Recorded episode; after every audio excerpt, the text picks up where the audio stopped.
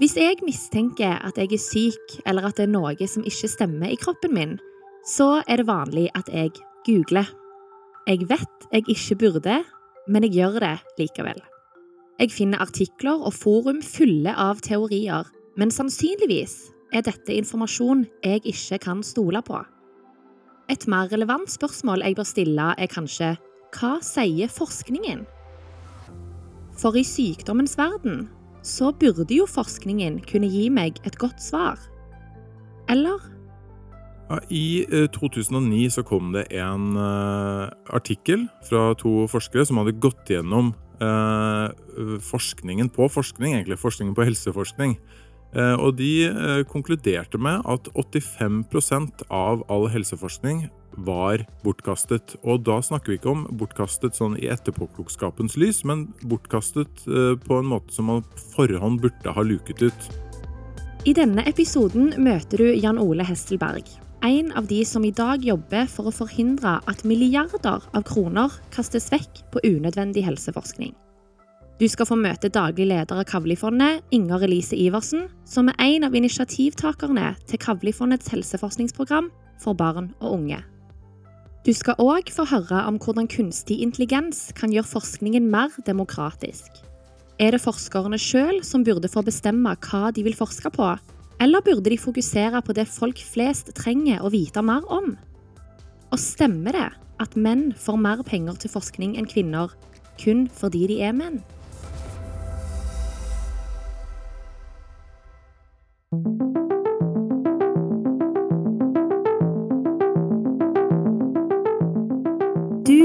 Hører på Tech, håp og kjærlighet.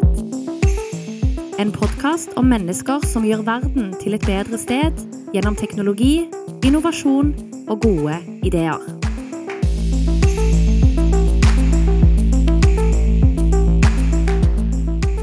Altså, jeg er jo jeg er psykolog. Eh, og noe av det som er aller mest spennende for meg, er beslutninger. Hvordan tar mennesker beslutninger? Dette er Jan Ole Hesselberg. Han er psykologspesialist og jobber i Stiftelsen DAM, som deler ut penger til helseprosjekter. En av hans primære arbeidsoppgaver er å sikre at helseforskningen er etterspurt, nødvendig, og at den oppleves viktig for de som forskningen faktisk gjelder. Men mer om det seinere.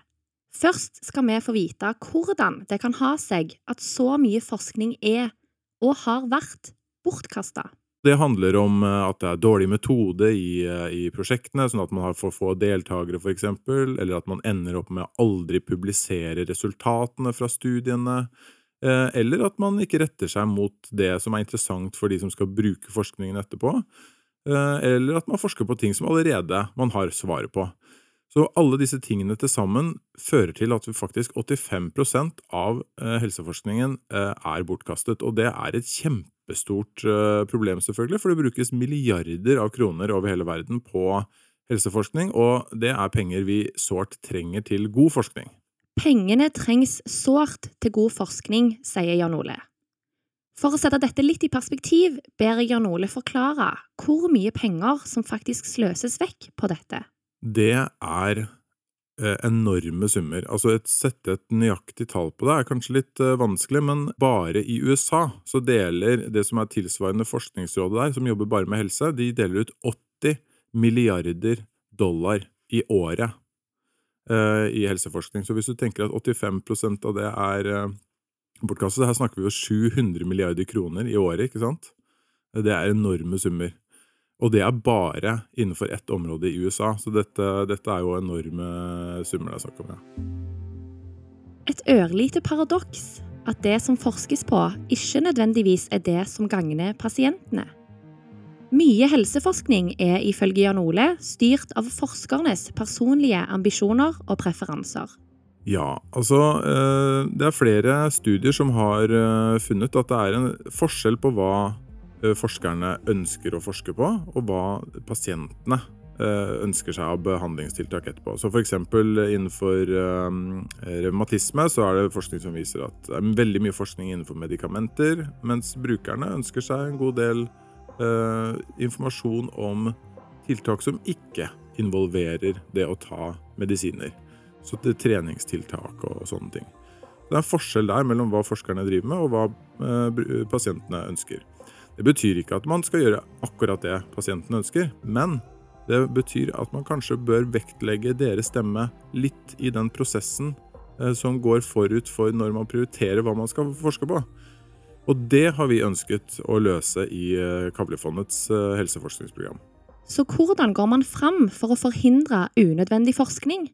La oss starte fra begynnelsen. Jeg havnet i det prosjektet fordi vi arrangerte et seminar der et av temaene bl.a. var hvordan kan vi kvalitetssikre forskningen vi eh, finansierer. Eh, og der i publikum så satt eh, Inger Elise Ibersen fra, fra Kavlifondet. Og hun syntes det var interessant og ba meg komme og snakke for deres styre. De ønsket innspill på hvordan de skulle bruke sine forskningsmidler. Eh, og jeg sa det at vi vet faktisk ganske mye om at eh, mye av den forskningen vi finansierer, er ganske bortkastet innenfor eh, helseforskningen. Og det ønsket de å gjøre noe med. Nå er det på tide å forklare hva Kavlifondet egentlig er. Kavlifondet eier Kavli og Kumeieriene og deler ut hele overskuddet fra salg av smøreost, yoghurt og melk til gode formål. Alle prosjektene du hører om i denne podkastserien, har mottatt støtte fra Kavlifondet. Og hvert år deles det ut 100 millioner kroner til gode formål. Kavlifondet er jo en representant for privat og frivillig kapital, og det gjør at vi står nokså fritt når vi skal bestemme eh, hvem vi skal tildele forskningsmidler til. Og da kan vi òg tørre å ta litt risiko. Dette er Inger Elise Iversen, daglig leder i Kavlifondet, og hun som satt i salen da Jan Ole holdt foredrag om bortkasta helseforskning. I mange mange år så har Kavlifondet støtta forskning hvor midlene som er putta i forskning, har vært mye mindre enn det som sykdommens alvorlighetsgrad skulle tilsi. Rett og slett underfinansiert forskning. Derfor støtter vi veldig lenge demensforskning, og òg de siste årene ME-forskning, med betydelige midler. Men når vi da hørte at eh, 85% av forskningen er bortkastet. Da tenkte vi at her må vi jobbe mer systematisk og mer langsiktig enn det vi har gjort tidligere.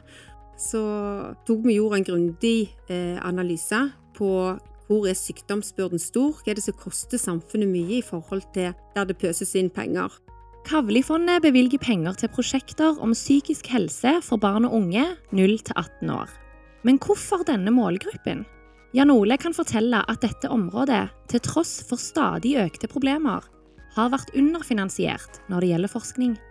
Da vi skulle velge et overordnet område å satse på, så eh, satte vi oss ned og gjorde egentlig analyser av hvor er det forskningspengene i Norge i dag brukes, og hva er det som er mest belastende i Norge i dag blant lidelser.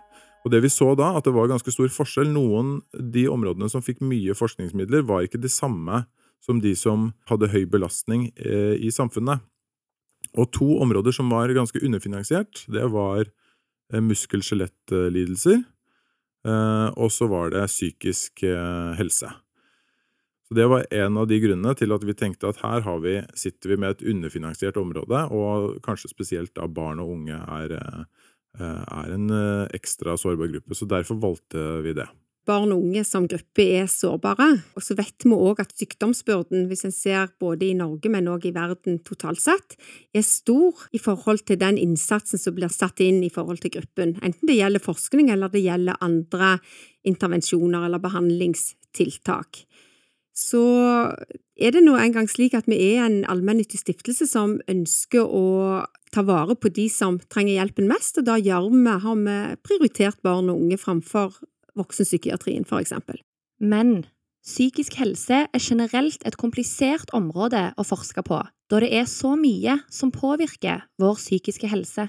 Det er både biologien vår, det er eh, miljøet rundt oss, det er arbeidsplassen vi går på, det er eh, vennene våre, ting som skjer i familien vår, hvis det skjer noe dramatisk, for eksempel. Det er massevis av små, som, små og store faktorer som påvirker vår psykiske helse.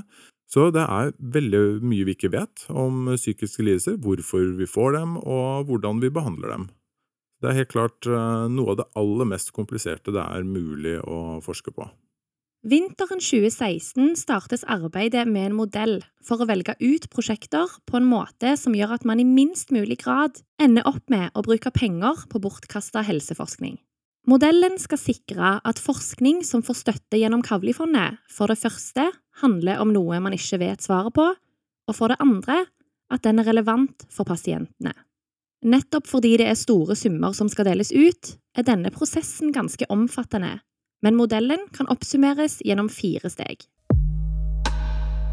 I første steg utfører fagpersoner en grundig kartlegging av all forskning som allerede finnes på et område. Og så ser de hva er det de kunnskapsoppsummeringene sier. Trenger vi svar på dette spørsmålet, eller har vi allerede fått svar på det? Det handler altså om å identifisere såkalte kunnskapshull, og å finne fram til aktuelle forskningsspørsmål, som for eksempel Er det forskjell i effekten på psykologisk behandling og medikamentell behandling, altså medisiner, når man skal behandle depresjon. Dette er faktisk noe man ikke har et godt svar på ennå. Det er jo veldig interessant å se de kunnskapsoppsummeringene, og jeg er helt sikker på at eh, de kunnskapsoppsummeringene, når en ser hvor en mangler forskning, at de kunne vært brukt og satt i et uh, enda mer og større og systematisk system, rett og slett, slik at andre òg kunne anvendt de. Og derfor har vi jo publisert de på nettsidene våre, sånn at masterstudenter eller hvem det er som, som måtte ønske det, kan gå inn og se hva er egentlig smart å skrive en master i. Det kunne jo være spot on å gå inn og så velge Kavlifondet sine kunnskapsoppsummeringer. Så du, gjør du iallfall noe som er relevant. Ellers så handler kunnskapsoppsummeringene eh, mye om vold mot barn. Det handler om barn som blir mobbet på skolen. Det handler om barn som blir utsatt for skilsmisser. Det er mye som går på eh, asyl. Eh, barn som har opplevd store traumer og, og trenger å få adressert og få snakket om det. Når forskningsspørsmålene er identifisert, starter steg nummer to. Alle forskningsspørsmålene sendes ut via internett til pasienter, pårørende og helsepersonell, som får lov til å stemme på de spørsmålene de syns er viktigst. En ganske demokratisk prosess der, altså. Og ikke minst en prosess som er avhengig av teknologi. I steg nummer tre velger Kavli-fondet ut de øverst rangerte spørsmålene. Disse blir gjort tilgjengelig på hjemmesidene til Kavli-fondet, og forskere kan nå utarbeide relevante prosjekter og sende inn søknad. I steg nummer fire blir søknadene vurdert av fagpersoner med spisskompetanse på psykisk helse for barn og unge. Til nå har syv prosjekter fått støtte fra denne ordningen. Det er eh, ganske forskjellige prosjekter. Det er, store prosjekter, stort sett. Eh, de har eh, flere av de som har fått det som er maksimumssummen på 12,5 millioner kroner, og som i tillegg har noen av de har titalls millioner av tilleggsfinansiering fra andre, så dette er store forskningsprosjekter. Ett på over 100 millioner kroner. Fordi forskning på psykisk helse hos barn og unge er vanskelig. Kavlifond er jo opptatt av å jobbe ansvarlig og langsiktig eh, når vi går inn i større samarbeid. Og Det kan gjerne være at vi støtter prosjektene i tre til fem år. Vi liker gjerne å gå inn i tidlig fase når folk virkelig trenger hjelpen. Et av prosjektene eh, handler om, eh, om effekten av internettbasert terapi for, for angst og depresjon. Det er en av de tingene vi har sett at eh, pasienten også har ønsket seg forskning eh, på, fordi det er uklart hva som egentlig funker. Kavlifondet ønsker å øke bruken av teknologi for å oppnå større samfunnseffekt. Og kan vi klare å løse samfunnsutfordringer gjennom å tenke mer innovativt, så vil det tjene alle sammen.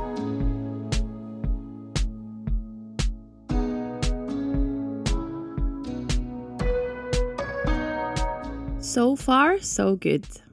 Men har denne prosessen hele tiden gått så sømløst? En av kanskje den største utfordringen er å finne ut hvordan man skal bruke brukerne, altså eh, pasientene og de pårørende og helsepersonell som jobber med dette til daglig. Eh, det er eh, Først så brukte vi organisasjonene som representerer dem, for å vurdere, for å rangere disse spørsmålene. Så har vi gått over til at det egentlig er åpent og fritt fram for, for alle. eh, å si noe om det. Eh, og det er vanskelig å vite hvem er det som egentlig representerer de som skal bruke denne forskningen til slutt, best. Eh, det er fryktelig vanskelig å svare på. En annen utfordring som vi har sett, det er at det er jo veldig mange gode forskningsspørsmål der ute som det ikke er gjort kunnskapsoppsummeringer på. Så det finnes, finnes mange gode spørsmål uh, som aldri noen har kartlagt. Uh, og de spørsmålene vil jo aldri bli med i vårt uh, program, for vi ser jo bare etter spørsmål som, hvor, det, hvor, man har gjort en kunnskapsoppsummering og forsøkt å finne ut av hva status er. Så kanskje noe som har blitt diskutert, er om man kanskje burde i større grad også altså betalt for sånne kunnskapsoppsummeringer på spørsmål som, eh, som brukerne opplever som viktige. Eh, så det er, eh, det er ikke, en, ikke, noen lett oppgave å dele ut penger, hvis man, hvis man trodde det på forhånd. I tillegg er det en del forskere som er kritiske, fordi de ikke sjøl får velge hva de får forske på. De vil si at det går utover den frie forskningen. Vi vil jo si at vet du hva, forskning er et felles gode, og det er flere som skal være involvert i prioriteringen av det. Det er ikke bare forskerne, det skal også være de som er sluttbrukerne. Og vi må også vite at uh, vi faktisk svarer på spørsmål som det er viktig å få svar på. Så jeg tror at dette, dette er en modell som ikke skal brukes alltid, uh, i det hele tatt, men den skal brukes mye oftere.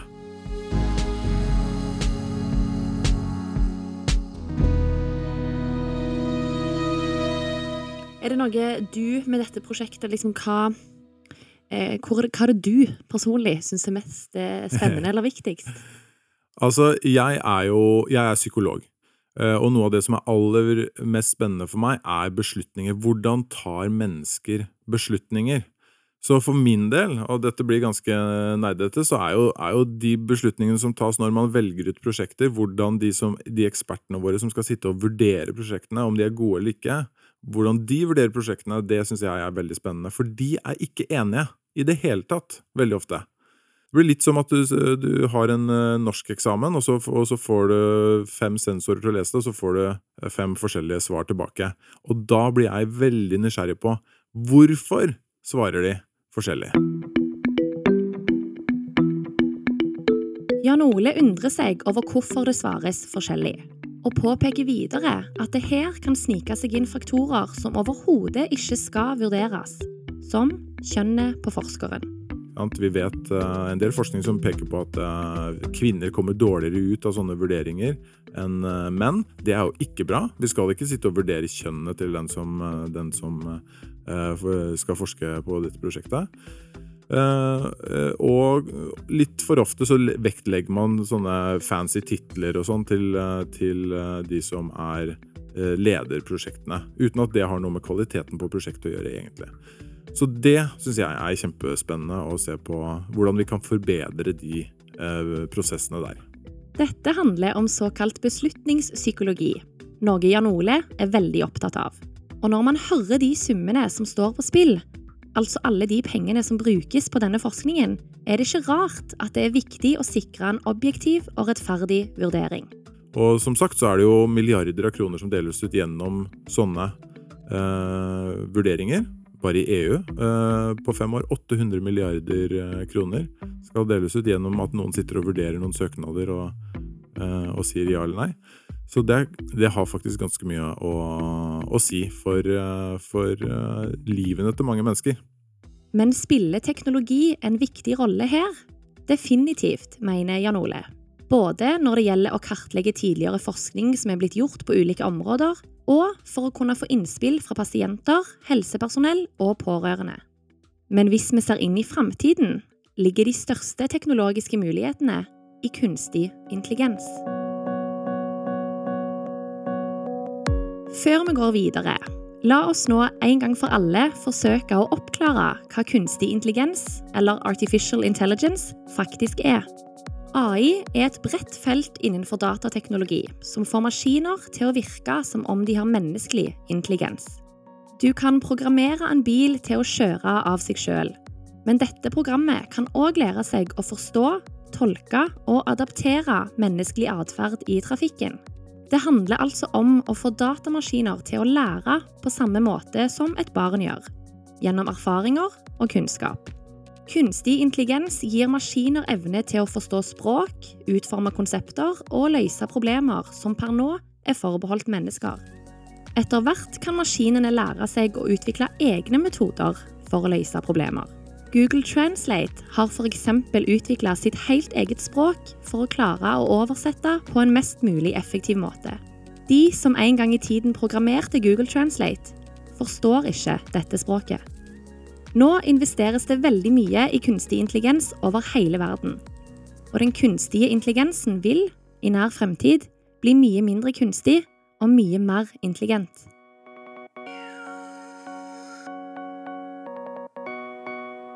Dette høres jo kanskje litt skummelt ut, men Jan Ole mener at dette kan ha store fordeler inn i arbeid med f.eks. behandling av søknader. Både for å eliminere menneskelig feil, men òg for å sikre en objektiv og rettferdig vurdering. Eh, vi mennesker påvirkes av ting vi ikke ønsker å bli påvirket av. Eksempel hvis en, eh, en person med et utenlandsklingende navn sender en eh, jobbsøknad, så vet vi at de får mye sjeldnere svar enn eh, en eh, med et veldig norsk navn. Det har det gjort mange undersøkelser på. Og sånne ting vil vi jo ikke skal påvirke beslutningene våre. Altså Vi som deler ut penger, vi vil jo ikke at ekspertene våre skal påvirkes av sånne ting.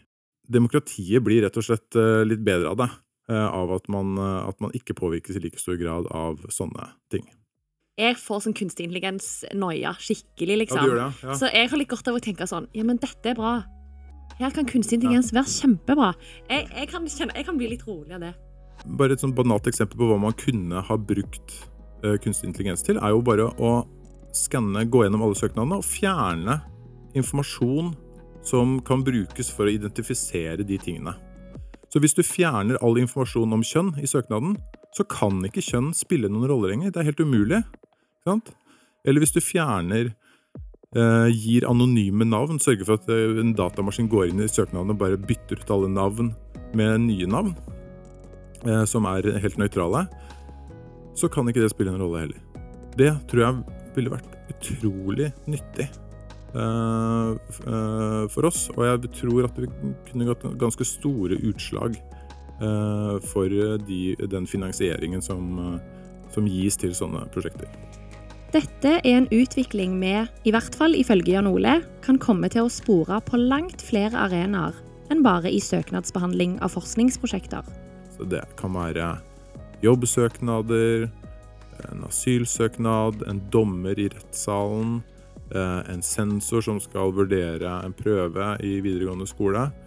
Det er egentlig samme type prosess. Noen sitter med en informasjon som de skal vurdere, fatte en beslutning på bakgrunn av det, en viktig beslutning. Eh, og der har vi fryktelig mye å lære av de dataene vi samler inn. For alle oss med AI-angst kan altså Jan Ole komme med noen betryggende fordeler. Jan Ole forteller videre at teknologien ikke bare er nyttig i innsamling og vurdering av søknader, men òg i faktiske behandlingssituasjoner. Ja, ja. Mm. Det er jo interessant å se at flere av de eh, kunnskapshullene og forskningsspørsmålene som har blitt stemt opp av brukerne, handler om eh, internettbasert behandling. Eh, at de også ønskes svar på om dette fungerer eh, bra. Og flere av de eh, prosjektene vi har eh, finansiert, handler om hvordan man kan utnytte seg av teknologien i behandlingen av psykiske lidelser. Og jeg personlig syns det er utrolig et utrolig viktig spørsmål. Jeg jobbet uh, Som nyutdannet psykolog så jobbet jeg i Namsos uh, kommune. og den, den Der var det mange tilreisende altså fra de omkringliggende kommunene kom til sykehuset for å få behandling. Noen pasienter måtte reise i tre og en halv til fire timer hver vei for å komme og snakke med meg i 45 minutter. Måtte ta fri hele dagen. Det er jo, ikke, det er jo belastning for dem og for arbeidsgiverne deres. Eh, å gjøre det. Så det å kunne tilby det, eh, og sjekke effekten av det, er jo utrolig eh, viktig. Og det, det er jeg veldig glad for at Kavlifondet er så tungt inne i forskningen på bruk av teknologi i behandlingen av psykiske lidelser. Å jobbe på den måten som Jan Ole og Kavlifondet gjør, mener Jan Ole vil kunne overføres til utrolig mange samfunnsområder. og at mentaliteten bak denne måten å tenke på er til hjelp, uansett hvilket, stort eller lite, spørsmål man står overfor. Det å undersøke det spørsmålet du står overfor, og finne ut, begynne først med hva er det egentlig vi vet om dette? Hva er det gjort rundt omkring i alle verdens kriker og krukker eh, på dette spørsmålet fra før av? Noen smarte mennesker har tenkt på akkurat det samme som det du sitter og tenker på. Det å finne ut av hva eh, kunnskapsstatus er. Det eh, gjøres altfor sjelden. Folk bare tenker at de har eh, eh, svaret selv. Så det brukes nok i altfor liten grad i beslutningsprosesser, og også Eh, altså bruken av de som til slutt skal være sluttbrukerne eh, av, eh, av, den tjenesten du sitter og jobber med, og involvere dem mye mer. Så det vil nok Det tror jeg kommer til å spille en mye større rolle både i ikke bare i forskningsfinansiering, men også i, i produktutvikling. Det gjør det allerede. Men også, også utviklingen av politikk. Hvordan treffe folk på en best mulig måte. Tech, håp og kjærlighet skal nå involvere studentmiljøene i Oslo, Bergen og Trondheim for å finne flere nye løsninger for å bedre barn og unges psykiske helse, forhindre utenforskap og ensomhet. Vi trenger de unge, skarpe hjernene og varme hjertene, som klarer å koble samfunnsnyttige prosjekter med teknologi, og sikre at teknologien blir brukt på en ikke bare effektiv, men god måte. Utdanning har vært den røde tråden i alt det Kavli-fondet gjør og støtter, og kompetansedeling og erfaringsutveksling har vært veldig viktig for oss. Så har vi trodd at ved at vi samhandler, så klarer en å få større kraft i prosjektene. Og så har vi jo sett etter hvert at det til å ta i bruk nye digitale løsninger eller bruke teknologi gir en mye større kraft, eh, og du kan oppnå større sosiale effekter raskere, både i det enkelte prosjekt, men det kan òg ha en smitteeffekt til andre. Eh, så det er litt av årsaken til at vi tror at, vi får mer igjen for eh, støtten som vi gir, dersom vi òg eh, på de mulighetene teknologien gir oss.